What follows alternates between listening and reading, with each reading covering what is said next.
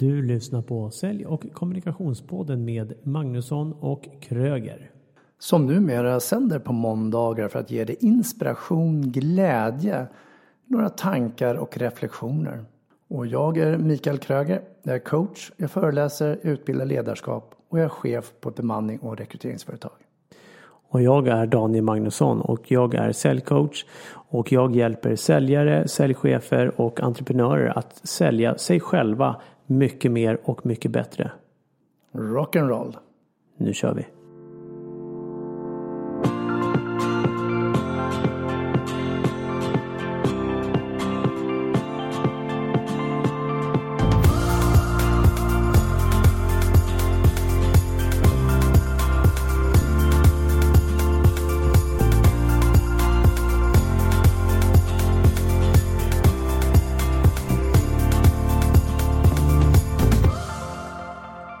Välkomna till avsnitt 41. Och idag ska vi prata om positivt och negativt språkbruk. Och jag är Mikael Kröger. Och jag är Daniel Magnusson. Och Daniel Magnusson, du mår ju inte så himla bra egentligen. Hur känns det? Jag är stel i nacken. Precis. Och glöm inte laddaren till mobiltelefonen. Nej, det ska jag inte glömma.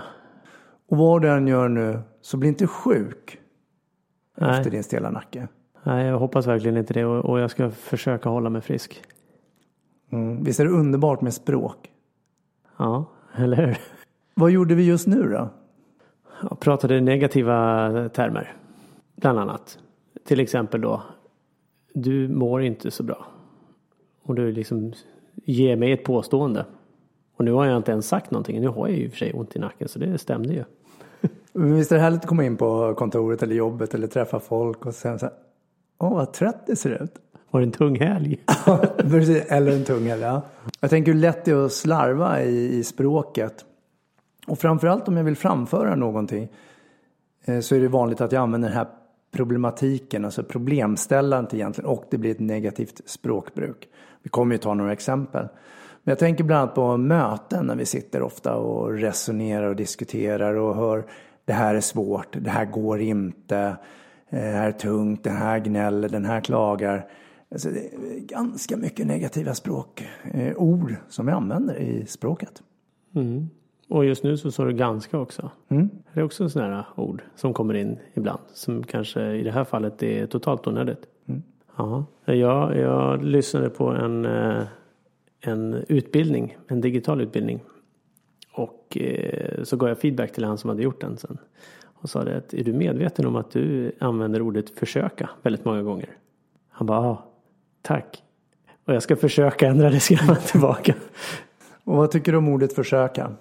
Jag tycker om att man ska prova och att man faktiskt ska testa, göra saker. För det behöver vi göra. För att eh, om vi tittar på om inte barn provar och testar börja gå, prata eller vad du än är. Det är bara även när vi är större också. Så kommer vi aldrig komma framåt. Problematiken med ordet försöka för mig är lite att då har man på något sätt ja, gett en, en möjlighet till att luta tillbaka mot det sen som en ursäkt. Att ja, men jag försökte i alla fall. Frågan är hur mycket du försöker och hur många gånger du försöker. Eller provar eller testar.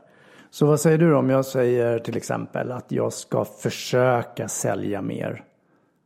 Ja, då säger jag antingen så säljer du mer eller så gör du inte det. Jag ska försöka ha ett medarbetarsamtal. Ja. ja, hur gick det? Det gick inget bra. Jag ska försöka komma i tid. Ja, det, det för mig är det antingen så gör man eller så gör man inte. Framförallt sådana saker. Eh, Och om du säger då, ja men jag ska försöka sälja mer. Ja, du, du, du talar ju om för hjärnan direkt att det är okej, misslyckas på något sätt. Jag brukar dra den här referensen, Tony Robbins har gjort det någon gång också. Så här, försök lyfta stolen. Och folk bara, vadå? Ja men försök lyfta stolen. Och så börjar de, och då lyfter de. Nej, du, jag sa du ska försöka. Du ska inte lyfta, du ska försöka. Och då blir folk så va? Nej, men vänta nu. Och så står de och håller i. Nej men försök då. Ja, och så lyfter de. Så vad du är ute efter där det är att eh, egentligen gör istället för att programmera hjärnan med att vi ska försöka för då skulle vi kunna misslyckas. Så att lyft stolen. exakt. eller lyft inte stolen. Ja, eller kom i tid, försök inte komma i tid. Försök inte komma i tid. Och du nämnde ju också det här med ganska. Och om vi bara tar ordet ganska eller kanske eventuellt. Eh, förminskningsord, utfyllnadsord. Vi kanske lägger till, eh, vi kanske lägger till med lite. Eller ännu värre, lite mycket. Det är lite mycket som hänger i luften just nu. Eh, skön att och hugga tag i den. Vad är det? Liksom, är det lite, är det mycket? Och vad är det som hänger i luften? Tappa inte bollarna mellan stolarna. Vad händer där då? Vi tappar bollarna. Och då sa jag det, glöm inte laddaren. Tänk hur många som säger, eller glöm inte telefonen eller glöm inte nycklar, vad vi nu säger. Och vi programmerar ju hjärnan eftersom ordet inte får vi inte upp någon bild av. Utan det har ju någonting som vi har lärt oss som vuxna. Och det innebär ju att egentligen så säger jag till hjärnan, glöm, och så tar vi bort inte. Så glöm telefonen, glöm nyckeln, glöm laddaren. Testa med barn, perfekt ålder, så här 4 till eh, 6-7 år någonstans. Hoppa inte i vattenpölen. Splash! Slicka inte på lyktstolpen när det är frost ute och där sitter du med tungan. Men om vi då går in i det här med möten. När vi sitter i, och pratar i möten så kan vi göra på olika sätt. Men jag har en organisation som jag sitter och pratar med och du har ju organisationer och människor som du pratar med. Och vad är det med det? Möten som vi sitter i. Och hur det går att lägga fram saker och ting betyder mer eller mindre eh, samma liknande sak. Fast, fast en del människor har tendens att använda ett negativare språkbruk. Mm. Och det skulle jag vilja ändra på. För att det är ju bättre om vi pratar om möjligheter och det som är positivt. Låt mig ta ett exempel. Vi gör nöjd medarbetarundersökning två gånger om året. Eh, betygen har varit bra. Eh, ligger så här, man kan få upp till 10 som bäst. Då. Och de ligger någonstans 8,5 till eh, 9,5 ungefär. Utom nu när den kom tillbaks senast. Där den låg sig mellan 5,5 och 6,5. Organisationen blir så här, åh nej vad dåliga vi är. Och det kan du ju säga. Och jag tänkte så här, wow vad härligt, nu har vi någonting att jobba med. Och min fråga tillbaks då, efter de här ja, negativa påståenden som har kommit, så är min fråga så här. Om vi nu har 6,5 som bäst, vad behöver vi göra för att få 7,5 nästa gång? Och då någonstans har jag konstaterat att vi är där vi är. Och sen är frågan, hur gör vi för att bli bättre? Mm. För jag kan ju säga så här, gud vad vi är dåliga. Hur mm, mm, ska vi reda ut det här? Och av det så blir det ganska negativt. Förstår vad jag tänker? Ja, det, är väl det handlar ju verkligen om fokusering. Till exempel om jag har en coachning med någon och så frågar jag, ja men om du skulle prata om din Ja, det kan vara allt ifrån en självkänsla eller självförtroende eller din förmåga att sälja eller något liknande. Om du skulle sätta på en skala 1 till 10. 1 är uruselt, det är botten. Du får sätta minus om du vill, brukar jag säga. Och 10 är topp. Vad skulle du sätta dig själv då? Ja, men jag skulle nog sätta en eh, 4, säger de. Och det är ju på något sätt på den mer negativa sidan. Mitt lågare. Då brukar jag säga, ja okej, okay, intressant. Vad var det som gjorde att du satte en fyra? Jag menar du kunde ha satt en två eller en trea. Ja, nej men det är för att jag kan det här och det här och det här. Då börjar personen fokusera på det positiva, vad de faktiskt kan och varför de sätter ändå en fyra och inte en trea eller något liknande. Och det går ju även att göra högre upp i skalan också om du ligger på en åtta. Okej, okay, bra en åtta, det är, det är inte så långt kvar. Vad är det som gör att du sätter en åtta och inte en sexa? För du kunde ha gjort, ja samma metodik. Jag skulle ju kunna vända på det och säga, jaha, okej, okay, en åtta. Vad är det som gör att du inte sätter en nia? Ja, nej, men jag kan ju inte det här. Eller jag känner så här. Ja, då är vi inne och tittar på det negativa istället. Och det stärker ju inte någonting. Och en del människor letar ju gärna problemställningar. För att kan vi lösa problem så är det ju, kan ju det bli en god effekt. Eh, jag vill ju gärna vända på det och se att vi är där och hur gör vi det bättre? Så vad vi än gör så är det redan bra. Även om utifrån sett eh, kanske någon skulle säga, gud vad dåligt. Ja, det är möjligt. Men i där vi är just nu så är det faktiskt bra. Och hur förbättrar vi i så fall? Och det här är ju ett mindset att tänka så. Det är precis som att gå upp på morgonen och säga, åh gud jag är så trött, dagen suger. Eller så gå upp på morgonen och säga, så här, wow, härligt, jag känner mig utvilad och pigg, nu kör vi. Det är ett mindset. Så vad har du för tips för att folk ska bli mera, ännu bättre eller braigare som vi skulle säga?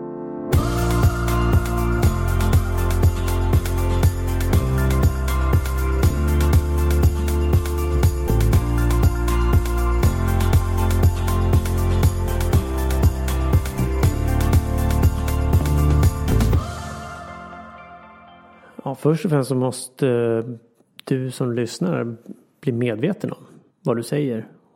Och det här eh, avsnittet kan ju göra dig medveten att börja lyssna efter. Vad är det jag säger? Vad är det för olater som jag har? Eh, för att du överhuvudtaget ska kunna börja ändra på det. Sen så kan du ju Ja, ett annat tips är ju om du till exempel ringer och ska sälja in möten eller boka möten eller eh, uppföljningar på offerter och så vidare eller vad det än är. Spela in dina samtal och lyssna på dem. Hur låter du? Har du inte den möjligheten så kan du väl be dina kollegor lyssna på dig när du pratar och be dem komma med feedback. Ja, jag tycker det var ganska bra. jag tycker du var ganska bra. Och då säger någon, ja tack. Och i själva verket så skulle jag ju då fråga direkt, ja ganska bra. Vad behöver jag göra för att bli ännu bättre så att det blir bra? Ja. Och vad mer specifikt var det som jag gjorde bra? Mm. Har du något tips? Jag tänker på um, ofta kravställande. Men jag har en organisation med, med flera affärsområden om jag uttrycker så. Eh, där, där det finns leveranskrav och införsäljningskrav och budgetkrav och det ena med det andra.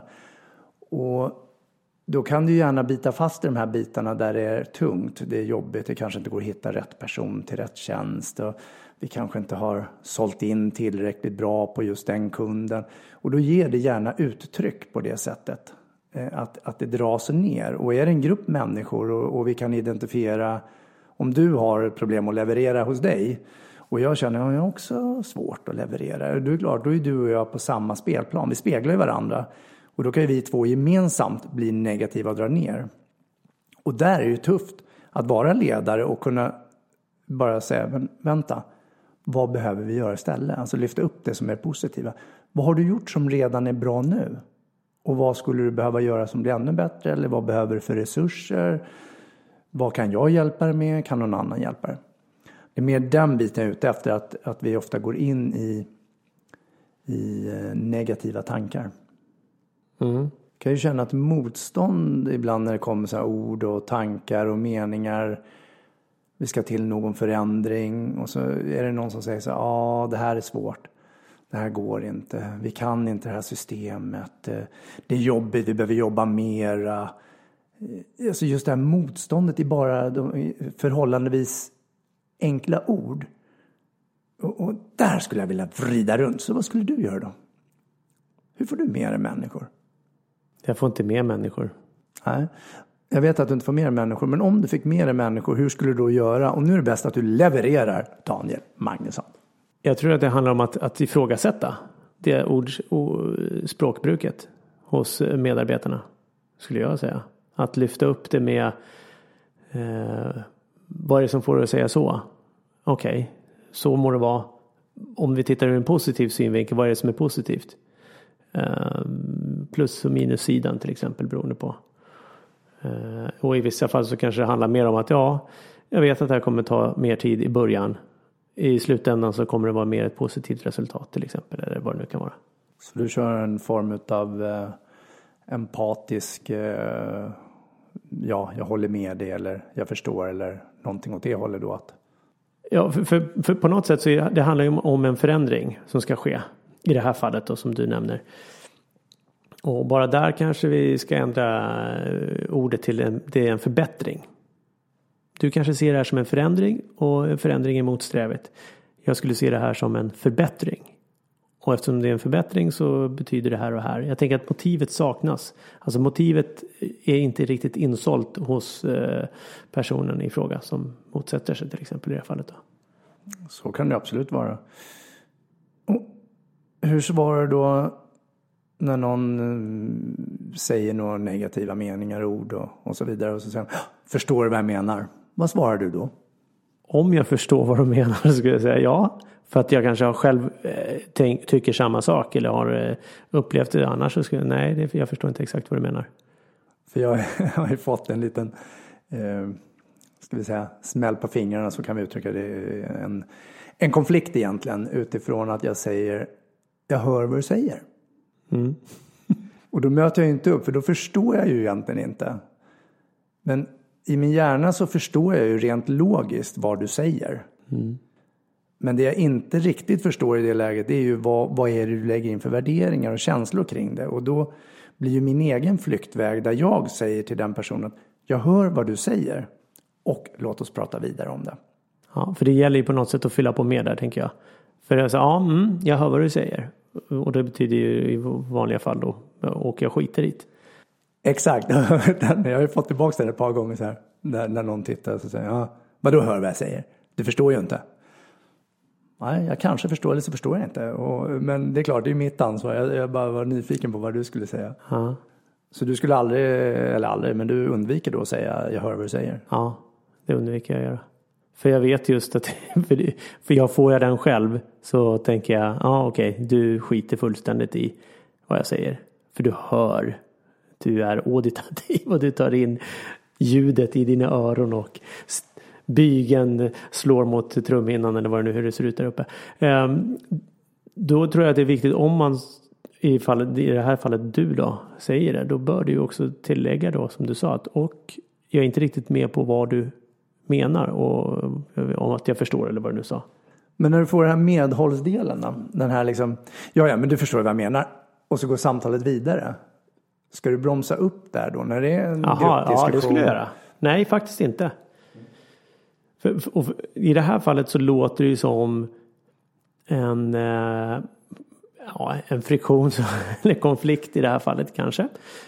Och, och, då tänker jag, då är det som alltid i all diskussion eh, Eh, att använda tonläget. Antingen så kan jag säga så här, ah, nej det gör jag faktiskt absolut inte. Jag förstår ingenting. Ja, då har vi, då har vi satt ner foten ordentligt. Det går ju att sätta ner den lite mjukare. Så, Jaha, nej, du, faktiskt så förstår inte jag riktigt. Kan du, kan du berätta?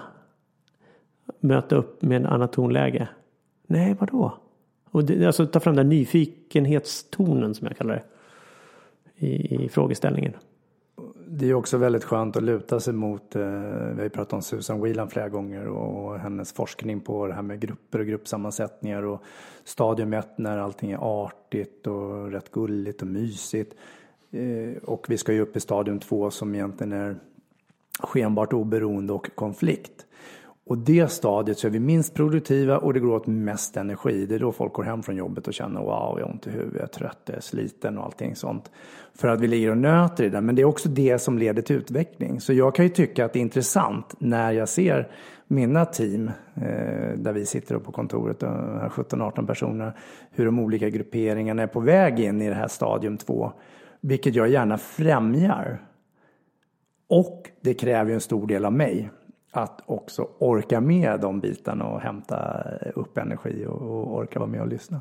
För när vi väl har gullat oss igenom, eller gullat ska jag absolut inte säga, när vi väl har tagit oss igenom stadium två, då kommer vi upp i det som är stadium tre och då går vi mer mot effektiva team och då är det rätt behagligt igen.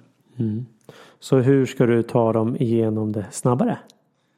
Jag tar eh, ett team igenom snabbare genom att vara närvarande och jag delegerar och framförallt så jag feedback. Det är nyckeln till det. Men de behöver komma in i det också. Eller vi ska jag säga. Vi behöver ju komma in i det. Vi kan ju feedbacka hela vägen men vi behöver fortfarande komma in där det blir de här friktionerna eller konflikter vad vi nu ska välja att kalla det för. Och de behövs ju och de kommer ju, de kommer ju små, små Det är som att få brev på posten. Mm. Jag tycker det är jättemysigt. Mm. Och slitsamt. Ja, för jag, jag, tänker ju också att det behöver ju det som du säger feedback och, och, i feedbacken så måste det finnas ett lyssnande också. Och då är det ju extra viktigt att inte bara säga jag hör vad du säger. För då blir det som en örfil i ansiktet på den andra personen. Utan eh, fortsätta att fylla på och ha viljan att förstå. Och vara nyfiken på den andra personen. Hur de ja, menar, hur de känner och vad de ser. Ja, det är intressant att du tar in just det med känslan. För att den är ju otagbar. Jag kan ju aldrig veta vad du känner. Utan jag måste gå på min känsla. Och i det här fallet så var det just en diskussion om, ja men du förstår hur jag känner. Och i det fallet så kan jag inte förmå mig att säga ja, jag förstår vad du känner. Utan då blir det istället att okej, okay, jag hör vad du säger. Jag har inte varit med om just den situationen och kan påtala, jag har varit med om en liknande situation och jag kan berätta hur jag kände då. Men det är där jag menar på att ja, jag hör vad du säger. Och då säger du med andra ord, skit jag vad du säger. Ja, om du stannar där. Mm. Så därav så behöver vi fortsätta fylla på som sagt. Ja, ska vi ta en runda av? Schysst. Tre tips. Ett skulle jag säga är att se till att bli medveten om vilka ord du använder. Pratar du ur en negativ synvinkel eller hörvinkel kanske man ska säga. Eller pratar du ur en, uh, ur en uh, positiv vinkel. Tvåan är fundera igenom vad du vill säga och öva på att uttrycka ditt eget språk ur en positiv term. Till exempel att jag ska ut och springa för att då mår jag bättre hälsomässigt. Istället för att säga att ah, jag måste ut och springa för att eh, jag är så tjock. För jag vill ju inte dö. Exakt. Ja. Nummer tre då Daniel? Nummer tre är eh, ta bort förminskande ord i ditt språkbruk. Till exempel ganska, lite. Ja, det kan ju vara lite, kan ju vara med om det är lite. Vi är hyfsat bra på det här. Vi är ganska bra på det här. Just ganska, det är väldigt tydligt så. Och då skulle jag sammanfatta med att säga, var kongruent. Med det du säger, alltså dina eh, ord, din tanke och ditt kroppsspråk, att det hänger ihop, då är du kongruent. Och då är det lättare att ta till sig. Så träna på att vara positivare. Och med det sagt så har du hela veckan på dig att träna. Fråga din arbetskamrat om du har varit tillräckligt positiv och eh, vad du använder för härliga ord. Och jag har ett bra tips. Och det kommer finnas en länk på vår hemsida magnussonkroger.se och det är ett videoklipp från Jeffrey Gittermer där han pratar om Yes Attitude. Och han har också en bok som heter Yes Attitude som jag verkligen kan rekommendera. När, när du läser den så kommer du få en, eh, en eh, förmodligen en insikt om att jag är inte så positiv, jag behöver ändra det här. Så den kan jag varmt rekommendera. Yes Attitude med Jeffrey Gittermer. Och då kan du bli positivare. Så kör hårt i veckan och lycka till! Ha det bra!